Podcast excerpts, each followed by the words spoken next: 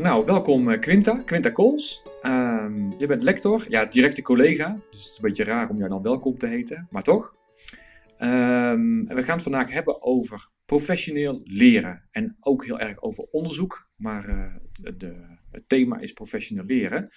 En um, een beetje af, als aftrapje uh, had ik jouw LinkedIn-profiel bekeken en daar, dat gaat over jouw lectoraat.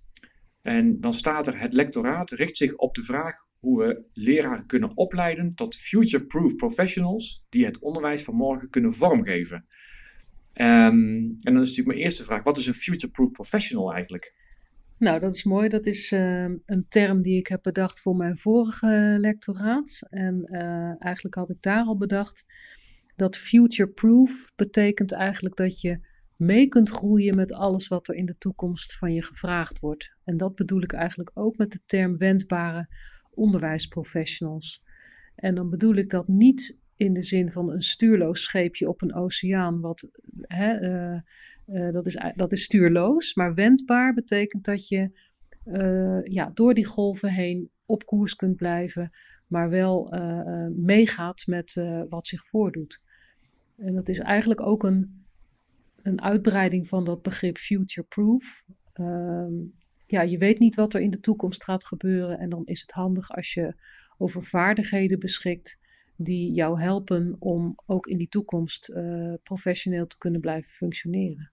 Um, nou, dan komen we natuurlijk weer bij die leraar terug, die dan uh, ja, het beeld van dat, dat scheepje op die golven blijft nu bij.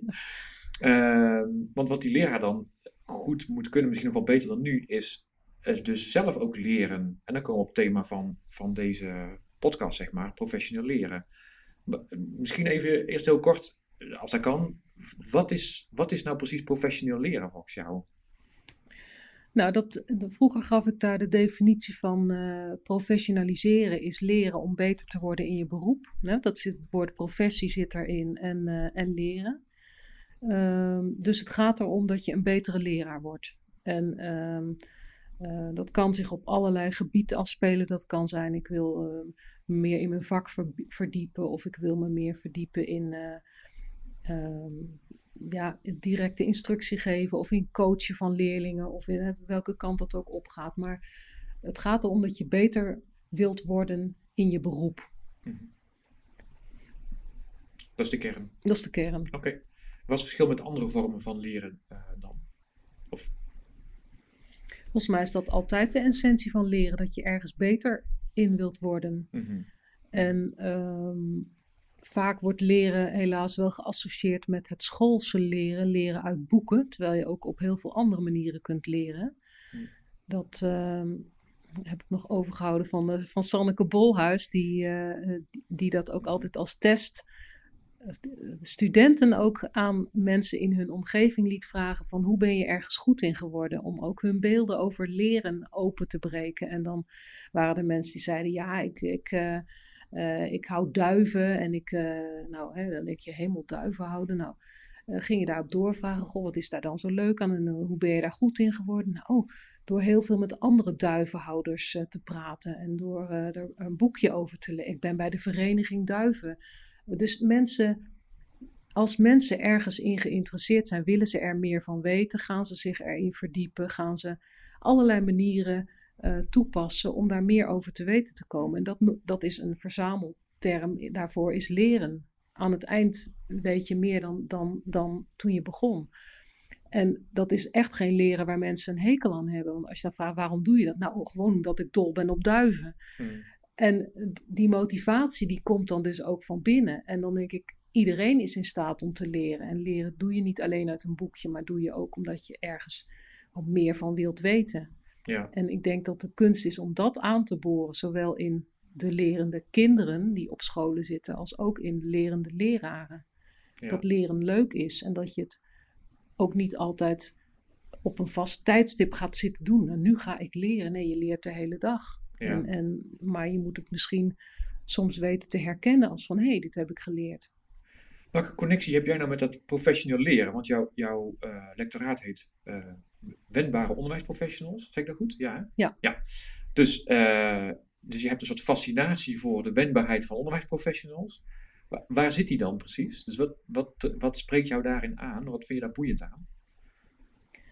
Nou, volgens mij zit die wendbaarheid vooral in, ehm, ja, in dat professioneel willen leren. In je verder willen ontwikkelen, in nieuwsgierig zijn, in flexibel zijn. En dat zijn ehm, dingen, denk ik, die je wel kunt stimuleren. Eh, en dat proberen we dan ook in de opleiding. Ehm, omdat het nooit klaar is. Je, ben, je bent niet op je 22ste, als je hier afstudeert, voor de rest van je leven klaar. Dat is een illusie. De wereld verandert, wij veranderen mee. Dus je zult je moeten blijven ontwikkelen. Ehm, en dat, klinkt, dat moeten klinkt dan een beetje onaangenaam misschien, maar de wereld verandert. Je leerlingen veranderen, je vak verandert. Dus je kunt niet dezelfde blijven. Je kunt het niet doen met de skills die je mee hebt gekregen. Die zijn niet toereikend voor de komende 30 jaar. Mhm, mhm. Dus dat, dat is gewoon een gegeven. En ehm, ja, daar, ik denk dat dat de belangrijkste vaardigheid is die je als leraaropleiding mee kunt geven. Het vermogen om te blijven leren. Ja. Want daarmee kun je alles aan. Dan kun je ook zeggen van, goh, mijn vak aardrijkskunde wordt uit het lesrooster geschrapt. Uh, ik moet voor, voortaan uh, mensen maatschappij gaan geven. Hmm. Dat is dan niet het eind van de wereld, want je weet hoe je moet leren leren. Of je, je, je weet hoe je kunt leren. Dus je, je kunt je dan met moeite, hè, ik weet niet hoe lang dat gaat duren, maar je kunt je dat nieuwe vak ook eigen maken. Ja, precies. Je kan meebewegen met die Ja, je kunt meebewegen. Dus als je weet hoe je moet leren en als je jezelf kent en je, je, je manier van leren kent en je, je, je weet hoe je het kunt plannen, hoe je het kunt organiseren, ja, dan kun je volgens mij de hele wereld aan. Ja. Dan ben je flexibel, dan ben je wendbaar, dan ben je niet een starre muur waarop dingen uh, moet zo en niet anders. Ja. dan hou je niet lang vol, denk ik. Nee, precies. Nou, dan is het zo, als ik jou hoor praten over uh, professioneel leren van, van leraren, dan komt al heel snel het model van Clark en Hollingsworth op de proppen. dus daar moeten we het over hebben. Ja. Um, en uh, dit is een beetje lastig, want we hebben hier natuurlijk nu, we hebben alleen audio, daar hadden we het daar straks ook al even van tevoren al even over. We hebben alleen audio, het is een heel visueel, visueel model eigenlijk. Um, dus nou ja, we, we gaan proberen om aspecten ervan te uh, bespreken, maar uh, ja, voor degene die dit luistert, misschien goed om het ook gewoon even op te zoeken. Ja, want dan pak er pen en papier bij, dan gaan we het gewoon even live tekenen. Maar uh, hoe ben je ooit op dat model gekomen van Clark en Hollingsworth? Dus waar komt dat voor jou vandaan? Poeh, uh, nou ik heb het niet meteen toen het in 2002 uitkwam uh, ontdekt. Pas veel later moet ik tot mijn schande bekennen. En ik weet eigenlijk niet meer via wie of wat ik het, mij onder ogen kwam. Maar ik was er gelijk van gecharmeerd, omdat het. Zij noemen het het Interconnected Model of Professional Growth. Nou, het is een hele mond vol. Klinkt al goed. en uh, zij waren eigenlijk de eerste die met dat model een ander model van leren van leraren lieten zien dan het tot dan toe gebruikelijke lineaire model. En het lineaire model is een leraar. En het, en het lineaire model ging ook heel erg uit van een leraar kan iets niet, weet iets niet, deficiëntiemodel. Hij weet iets niet, we doen hem op nascholing, hij leert het daar, dan gaat hij het doen. Dan gaan we, en dan gaan de leerlingen beter presteren. Dus een heel uh, uh, oorzaak-gevolgachtig model. Je moet eerst op cursus en dan heb je het geleerd. En dan mm. ga je bijvoorbeeld uh, begrijpend lezen. Nou, uh, dat gaat nog niet goed genoeg. Je gaat op cursus begrijpend lezen. Nou, dan heb je het diploma gehaald, ook belangrijk. En dan ga je het doen met je leerlingen. En dan gaan zij ook be beter begrijpend lezen. Heel lineair gedacht. Van, mm -hmm. uh, maar Clark en Hollingsworth die stelden daar dus iets anders tegenover. Die zeiden het verloopt helemaal niet zo lineair als dat wordt voorgesteld. Wij hebben gekeken naar hoe leraren leren. En uh, heel veel gepraat met leraren hoe dat gaat. En wij komen tot een ander model. En dat model is dus niet lineair. En het schrijft ook niet voor dat er een bepaalde volgorde is. Het geeft alleen aan, hey, dit is een manier hoe leraren, leraren leren. En het mooie in dat model is dat er eigenlijk uh, twee onderdelen heel belangrijk zijn in dat leraren, leren van leraren, namelijk doen en denken. En in het Engels is dat reflection en enactment. Reflection staat dus eigenlijk voor nadenken over en reflecteren op. Nou, dat zal voor studenten van de lerarenopleiding een bekend gegeven zijn, dat, waar ze tot hun ellende eh, veel aan moeten doen. Maar waarvan ik van ervaren leraren terugkrijg dat het een hele waardevolle en belangrijke activiteit is. Hmm. Ook omdat je beslissingen in je les, als je aan het, in, in gesprek met een groep leerlingen bent, gaat het zo snel, dan handel je. Uh, je hebt geen tijd om na te denken, wat zal ik gaan doen of om een boek erop na te slaan. Je doet iets. En pas achteraf, als de leerlingen de klas uit zijn en jij kunt even stoom kun je nadenken van, goh, was dat nou het beste wat ik had kunnen doen?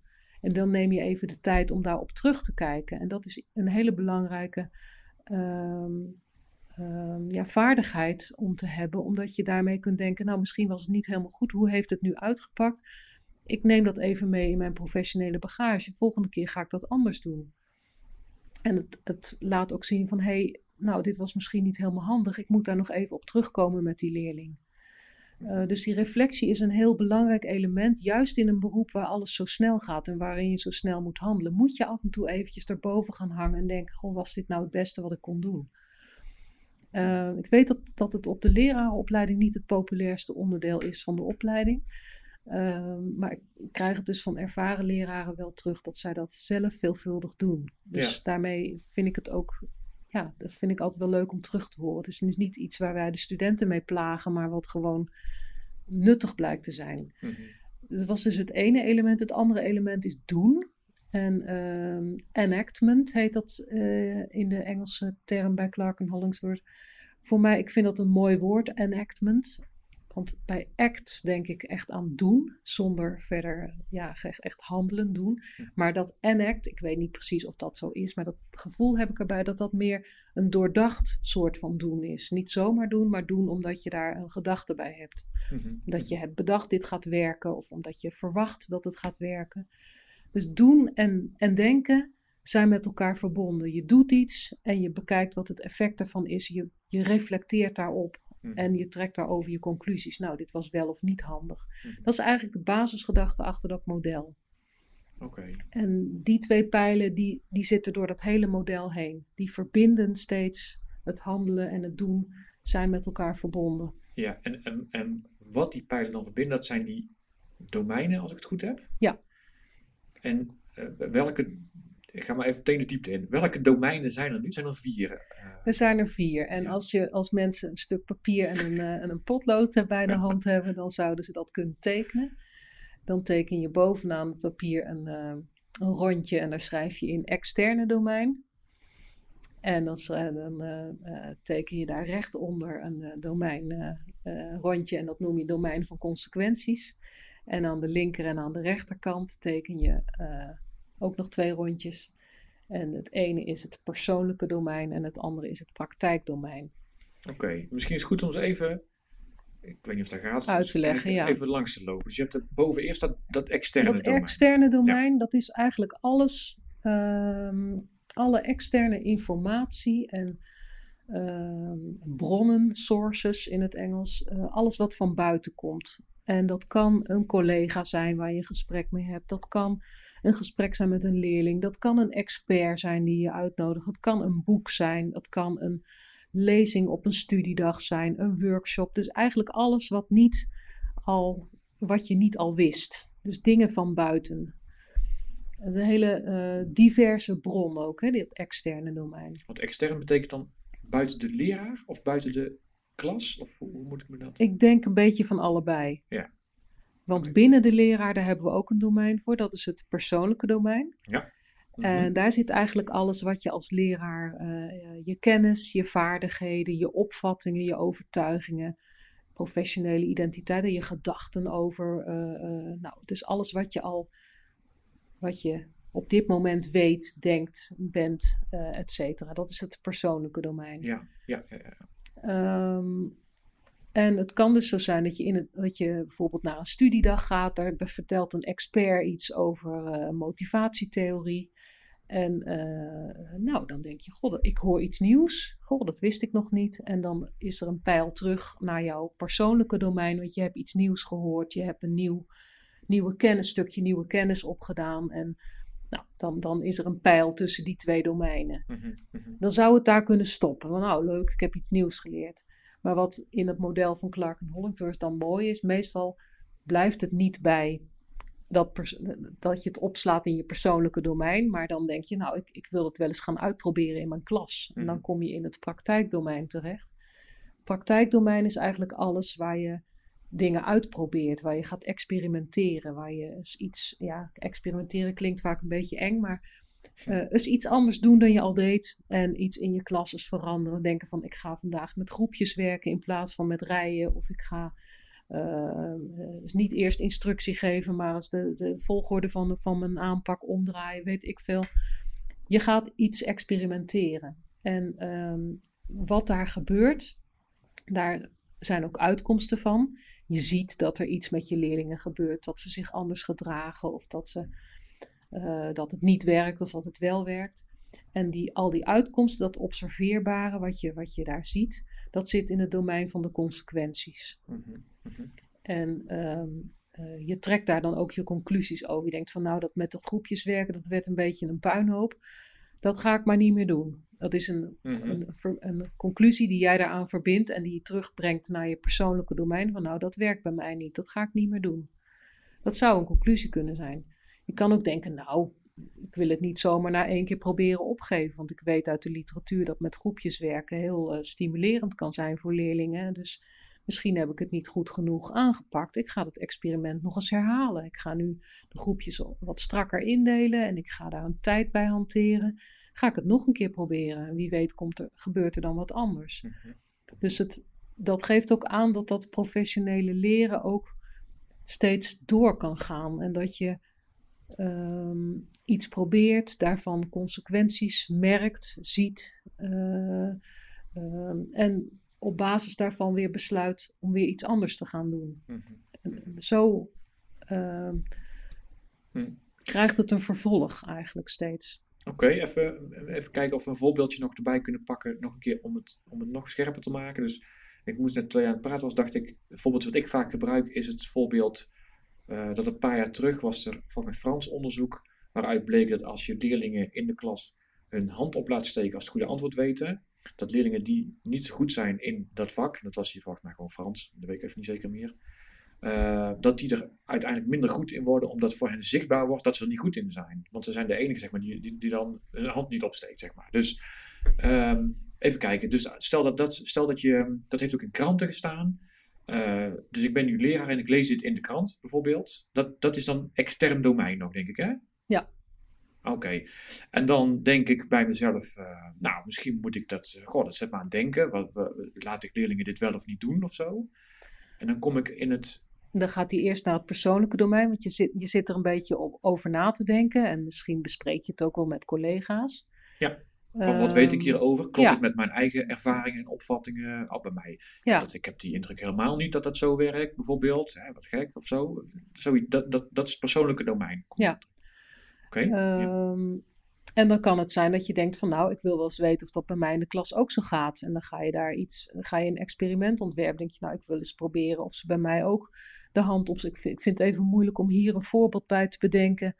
Um, want het gaat je er niet om, om de, de, de, de bevindingen van dat artikel in twijfel. Je bent vooral benieuwd van hé, hey, gebeurt er iets soortgelijks met het leren van mijn leerlingen? Zit ik misschien mijn leerlingen ook in de weg op die manier, onbedoeld? Hè? Mhm. uh, dus ik denk dat je experiment er niet om gaat om te bewijzen dat dat artikel gelijk heeft of zo, maar dat je iets wil gaan uitzoeken van oeps, misschien doe ik ook wel dingen waardoor mijn leerlingen bang zijn. Uh, uh, dus het kan zijn dat je op een heel ander soort experiment uitkomt, namelijk ik ga niet meer de antwoorden vragen door de leerlingen de hand op te laten steken. Maar ik steek de namen van alle leerlingen doe ik in een, uh, in een hoge hoed. Mm -hmm. En ik, uh, bij elke vraag die ik aan de klas stel, trek ik een naam uit de hoge hoed. Waarbij ze allemaal evenveel kans hebben om aan de beurt te komen. Weet ik veel. Mm -hmm. Dat zou al een eerlijkere manier zijn om kinderen allemaal ja. het antwoord te laten geven. Ja. Um, en tegelijkertijd, omdat ik dat nu weet door dat artikel, realiseer ik me dat het ook onveilig kan zijn voor kinderen. Want stel je trekt er net één en die heeft geen idee. Dat betekent dat ik ook iets moet doen aan de soort vragen die ik stel en aan de manier hoe ik zo'n kind dat die vraag laat beantwoorden. Ja. Dus ik ben ook aan het denken gezet door dat artikel. Ja, ik zit nu even door Mm, te borduren mm. op jouw voorbeeld. Maar Ja. Van goh, die, die veiligheid, dat is ook iets waar ik wat mee kan in mijn klas. ja, precies. Hoe zit het met veiligheid? Dus het hoeft niet per se te gaan om hand opsteken. Er kunnen allerlei gevolg, vervolggedachten zijn die mij aan het denken zetten over mijn eigen lespraktijk. Van hoe doe ik dat eigenlijk? Mhm. Oh, misschien voelen leerlingen zich inderdaad onveilig.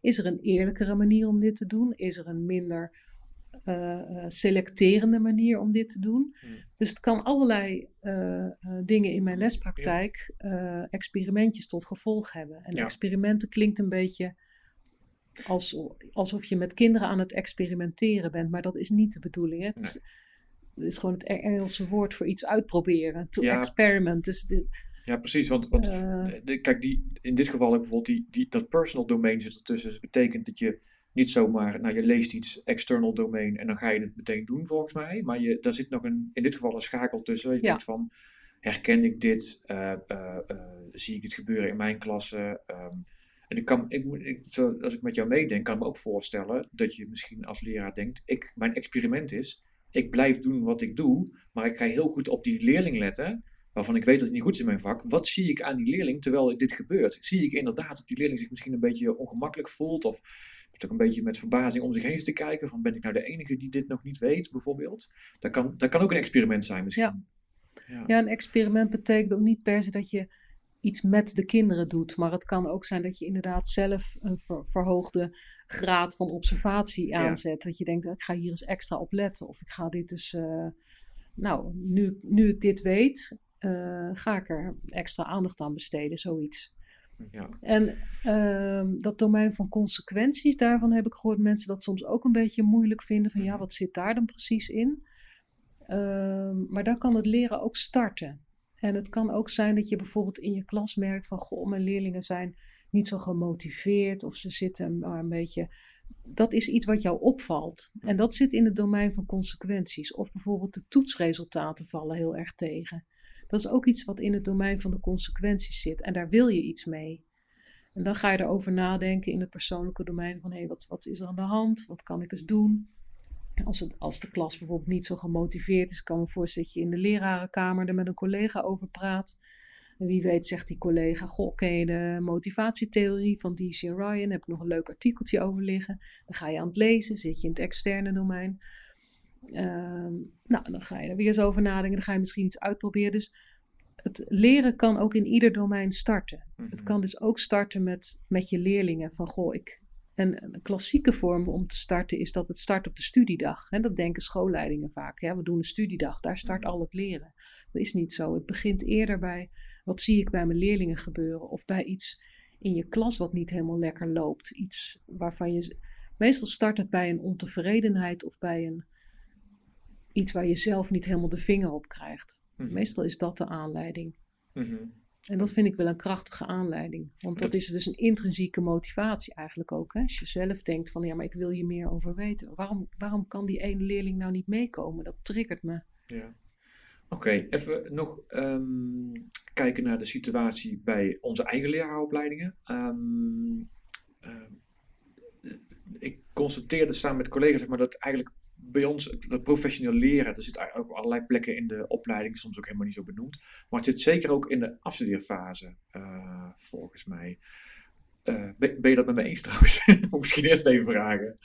Ja, het, het zit zeker in de afstudeerfase. Tenminste, dat, ik hoop ja, dat, dat, eh, ik hoop dat het ook in andere onderdelen zit. En het zit zeker in de afstudeerfase.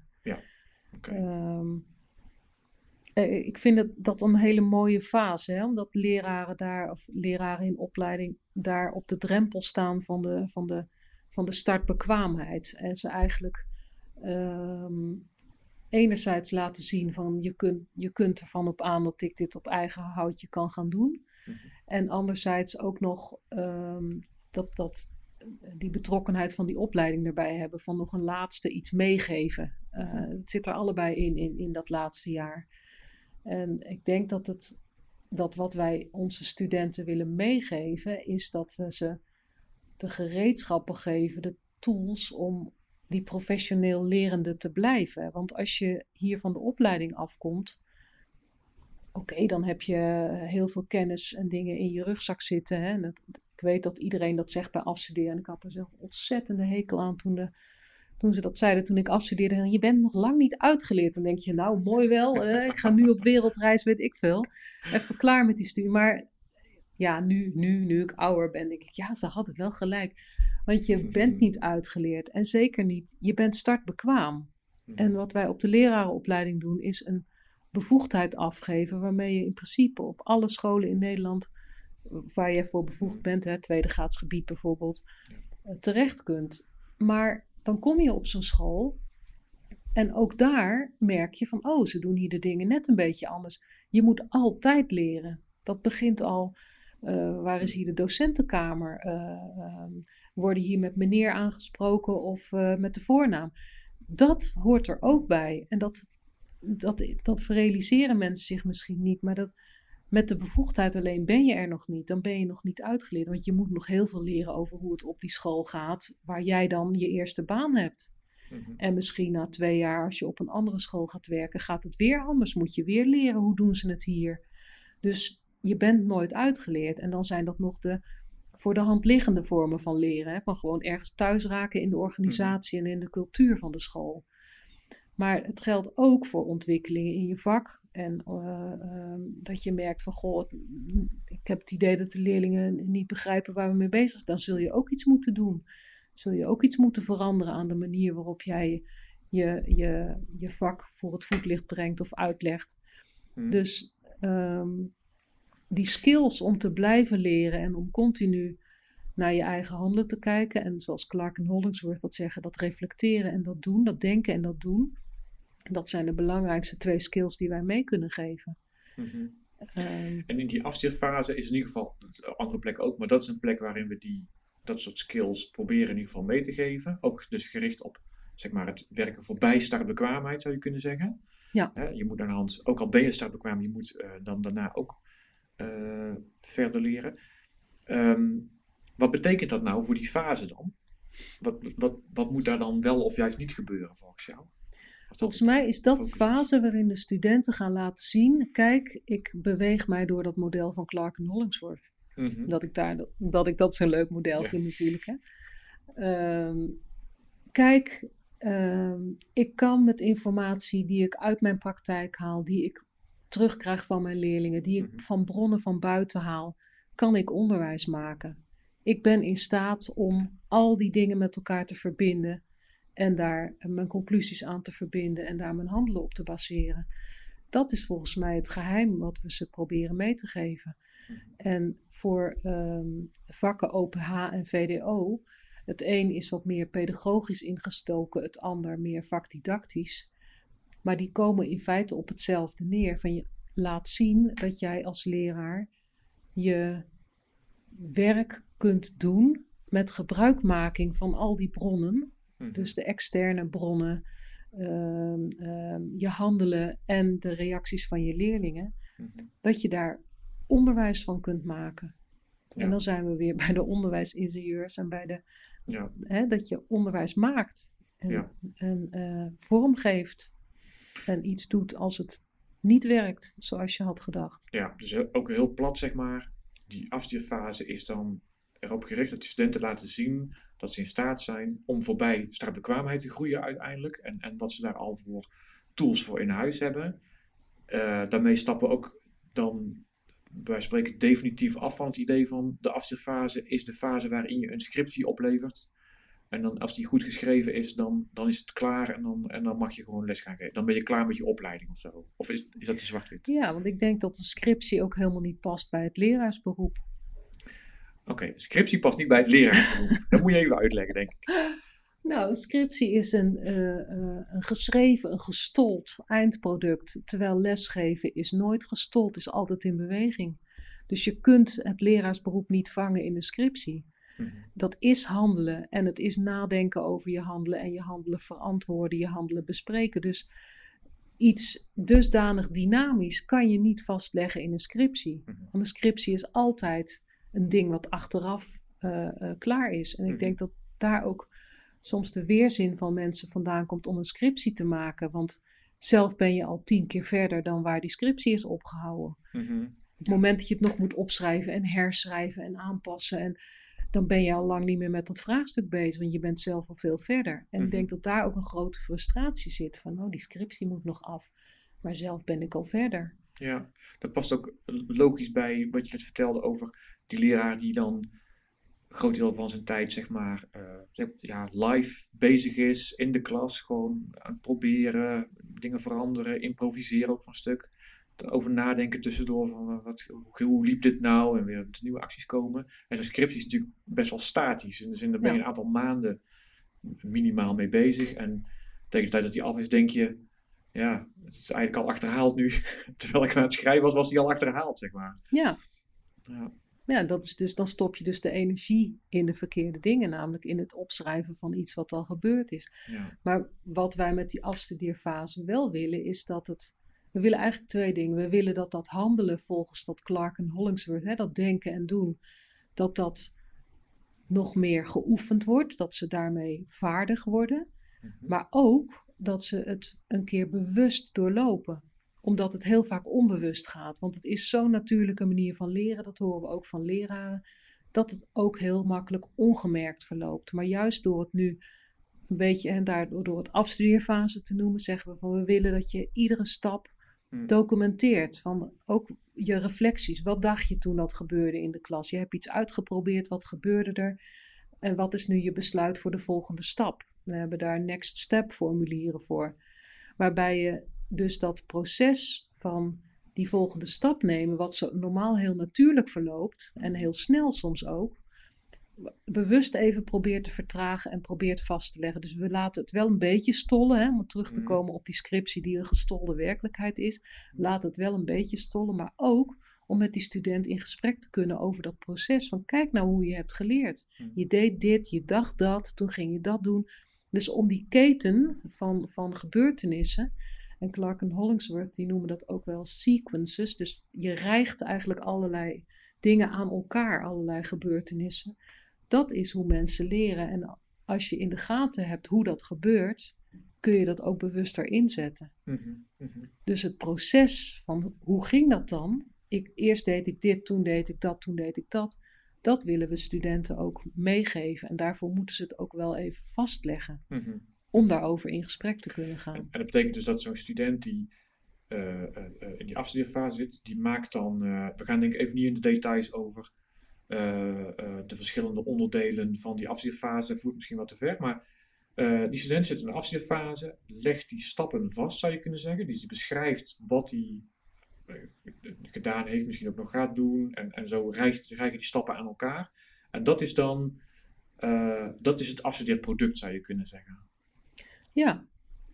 in de kern. En de, Moet er nog iets mee de gebeuren? kern. En dan denk ik de. de eh, laten we dat voorbeeld we hadden net. Hè, eh, je start in het domein van de uitkomsten. Je start Mhm. of het domein van de consequenties. Mijn klas is niet zo gemotiveerd. Nou, dat zou bijvoorbeeld een startvraag kunnen zijn van een student. En die gaat dan, ja, eh, de studenten zijn niet gemotiveerd. Wat kan ik nou doen?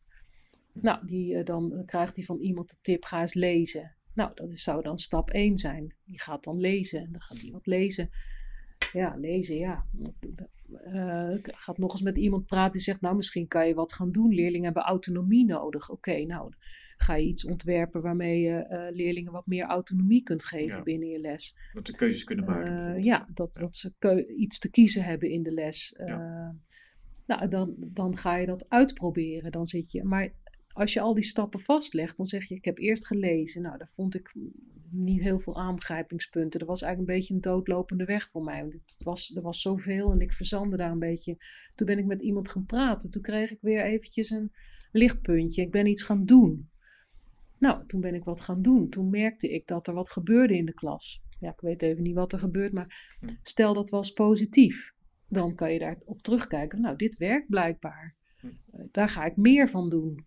Dus zo gaat dat heen en weer. Maar het kan ook zijn dat je inderdaad ehm, iets leest wat helemaal niet toepasbaar is. Hm. Dus je, het is niet altijd dat jouw ehm, ehm, acties de gewenste uitkomst hebben. Zo is het niet. Nee. soms stoot je je neus, soms loopt een experiment ook niet zoals je wil. Soms, soms lees je het verkeerde boek, soms uh, spreek je net die ene chagrijnige collega die, die jou helemaal niet eh, verder kan helpen. Maar in deze opzet is dat dan, in, jouw beleving, is dat onderdeel van die keten, zeg maar. Dus op een gegeven moment in de keten kom je tot een actie... Uh, uh, die, ja, die leidt gewoon niet tot het resultaat wat je gehoopt had. Maar dat is dan, ja, dat is niet een disqualificatie. Je hoeft die actie niet vervolgens uit je product te strepen of zo. Nee, dan is dat gewoon een consequentie. Of de, de conclusie is dan, ja, dit heeft het niet opgeleverd. Ik ga iets anders proberen ja, nu. Hm. Want dat is dan eigenlijk, eigenlijk zou ik in zo'n procesverslag uh, uh, weer die twee kenmerken van Clark en Hollingsworth willen zien. de reflectie en het doen.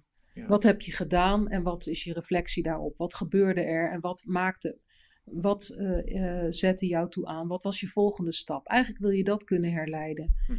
Ik zag dit dus en ik dacht dat en toen, uh, toen besloot ik om dit of dat te gaan doen. Mhm. Toen heb ik dat gedaan, daar gebeurde.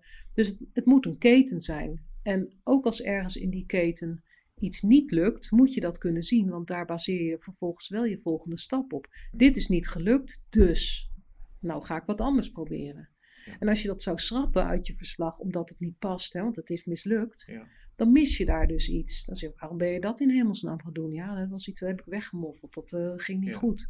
Ook de dingen die niet goed gaan horen daarbij. Ja, ja zeker als je volgens mij, als ik zo met je meedenk, zeker als je dan als student ook kunt laten zien dat je gezien hebt dat het dat het niet gewerkt heeft, dat het, nou, of je niet gebracht heeft wat je wilde. Kijk, dus mislukken is nog wel een groot woord misschien. En dat je dus daarom iets anders bent gaan doen. Dus het, dat inzicht vind ik ook waardevol. Want dat is natuurlijk wel de vraag, als je dan beoordelaar bent van zo'n product, hoe herken je dan kwaliteit? Ik bedoel, als die student zelf zijn keten aan het fabriceren is met acties en, en er mogen ook nog dingen misgaan, wat is dan, wanneer is het dan goed, uh, zo'n proces of zo'n zo'n afstudeerproduct? Nou, voor, voor mij zit dan de kwaliteit in de de kwaliteit van de beslissingen. Van elke keer wordt er een volgende stap gezet. En dan kun je kijken van hoe, hoe is die stap voorbereid? Welke ehm, beslissingen liggen daar aan ten grondslag? Op basis waarvan wordt die beslissing genomen? De, de kwaliteit van de, van de reflectie is het dan in feite. Van de, en, en, en de, um, de gegevens die je daar ook bij gebruikt. Als je zegt van ik heb, uh, ik heb zelf een slecht gevoel bij die les, dus ik ga dat nooit meer zo doen, dan zou ik denken, nou, hmm. dat is alleen maar je eigen gevoel. Heb je misschien ook een videoopname? Kunnen we nog eens hmm. terugkijken? Of heb je aan de leerlingen gevraagd wat ze ervan vonden? Of heb je ook nog um, um, ander bewijs? Of ja, bewijs klinkt ook weer heel zwaar. Heb je andere gegevens waardoor je nu bedenkt dat dit een slechte les was? Of hmm. zo. Ehm, daar zou ik dan op insteken. Dus dat is dan ook de onderbouwing van je, van je beslissing. En dat heeft dus ook iets te maken met mhm. op welke bronnen en welke gegevens baseer je nu. Ja. Ehm, maar ook heb je dit nog met, uh, heb je hier nog een uh, feedback opgevraagd van iemand, hè? Een, een, kritische vriend, van je studiegenoten, van een begeleider, van een collega. Um, je hoeft niet alles in je eentje te doen. Het wordt er denk ik zelfs beter van als je het dus tegen iemand anders aanlegt. En uh, zegt van wat is jouw professionele oordeel hierover? Mm Dat is verrijkend. Dat is ook een externe bron die je erbij betrekt. Dus als ik dan koppel zeg maar aan dat, ik probeer meteen even te koppelen met het model van Clark en Hollingsworth, dan is het eigenlijk, wat je wil zien is dat die student, vertrekkend vanuit zijn eigen personal domain, in staat is om op een soort van uh, doordachte manier en navolgbare manier zeg maar, de links te leggen met dat externe domein, met die uh, domain of consequences, domain of practice, en daartussenheen en weer kan, hip, uh, kan hoppen, zeg maar. Ja. ik noem het hoppen, ik weet ja. niet hoe dat precies heet. Maar. En dat doe je via reflectie en ja. enactment. Dat en als je, in diezelfde figuur daar lijnen zou tekenen, hè, ik weet onderzoekers hebben dat wel eens gedaan voor het leren van leraren, okay. dan kun je zo'n lijntje uh, intekenen, maar in, in de ideale situatie worden er zoveel lijnen ingekrast dat het hele model onleesbaar wordt. Die zegt van ja, je bent tien keer heen en weer geweest naar een externe bron. Naar, uh, maar ik, ik, zou al, ja, ik zou het mooi vinden als je inderdaad met dat model erbij zou kunnen tekenen. Zo is het voor mij gegaan. En dat, dat doen wij ook vaak. Uh, heb, ik, heb ik vaak gedaan met mhm. leraren, met dat model op een soort placemat. Van goh, vertel eens hoe jij hebt geleerd en dan tekenen ze het in en vertellen ze het verhaal erbij. En dat zou bijvoorbeeld ook een, een eindgesprek kunnen zijn van hoe is het voor jou verlopen? Neem mij eens mee door jouw zoektocht naar hoe het gegaan is. En ook de mislukkingen van ja, hier ging het niet goed, ging ik weer terug. En ehm, het, het, model helpt mensen ook om hun eigen leren te kunnen benoemen. Mm -hmm. En dan is het ineens zichtbaar. Oh, kijk, ik heb uh, die paden bewandeld en zo ziet dat plaatje eruit. Ja, maar de kwaliteit zit dan dus voor een stuk niet alleen in, in bijvoorbeeld, uh, ik ben toen met, uh, ik heb een soort onderwijsleergesprek met mijn leerlingen gaan voeren over wat ik, ik had het idee dat die les niet goed liep, toen ben ik het gesprek met leerlingen voeren. Niet dat je dat gesprek met gaan voeren en hoe je dat precies gedaan hebt, maar vooral hoe je tot die keuze bent gekomen. Dat zit ook een... Ja. ja. Maar ook inderdaad wat zat er dan in dat gesprek? Heb je dat gesprek goed voorbereid? En het gaat er ook niet om dat je zoveel mogelijk stappen hebt gezet, zo snel mogelijk. Nee, nee, nee iemand die, die uh, uh, eerst heel veel heeft gelezen, toen heel doordacht iets heeft uitgeprobeerd en daarover heeft gegeven, dat zou ook kunnen. Dus het, het, is niet makkelijk om daar één uitkomst voor te geven, want die diepgang kan voor iedereen wat anders zijn. Mhm. Maar het is in elk geval niet van hapsnap, oh ik heb dit geprobeerd, ik vond het niet goed gaan, ik doe nu weer wat anders. Want mhm. dan zou ik daar als begeleider ook zeggen van, hoezo vond je het niet goed gaan, waar baseer je dat op? Mhm. En eh, eh, als iemand dan alleen maar zegt, ja nou dat vond ik gewoon, zou ik zeggen, nou ga het nog maar eens proberen. En probeer gegevens te verzamelen waar je wat dan hebt. Waar je een professionele beslissing op kunt baseren. En niet alleen maar onderbuikgevoel of ik vond het niet goed gaan. Want je moet je ook als professional kunnen verantwoorden. Je moet eventueel, hè, dat, dat denk ik dan maar, uh, met de ouders van de kinderen in je klas in gesprek over waarom je de dingen doet zoals je dat, dat doet. Of mhm. met je collega's of met je schoolleiding. Mhm. Dus het moet een een professionele beslissing zijn. En niet zomaar een het liep niet zo lekker, dus ik doe dat niet meer. Mhm. Nee, er moet van betere huizen komen om ons te overtuigen. Je moet ook wel kunnen laten zien, ik ben startbekwaam. Ja.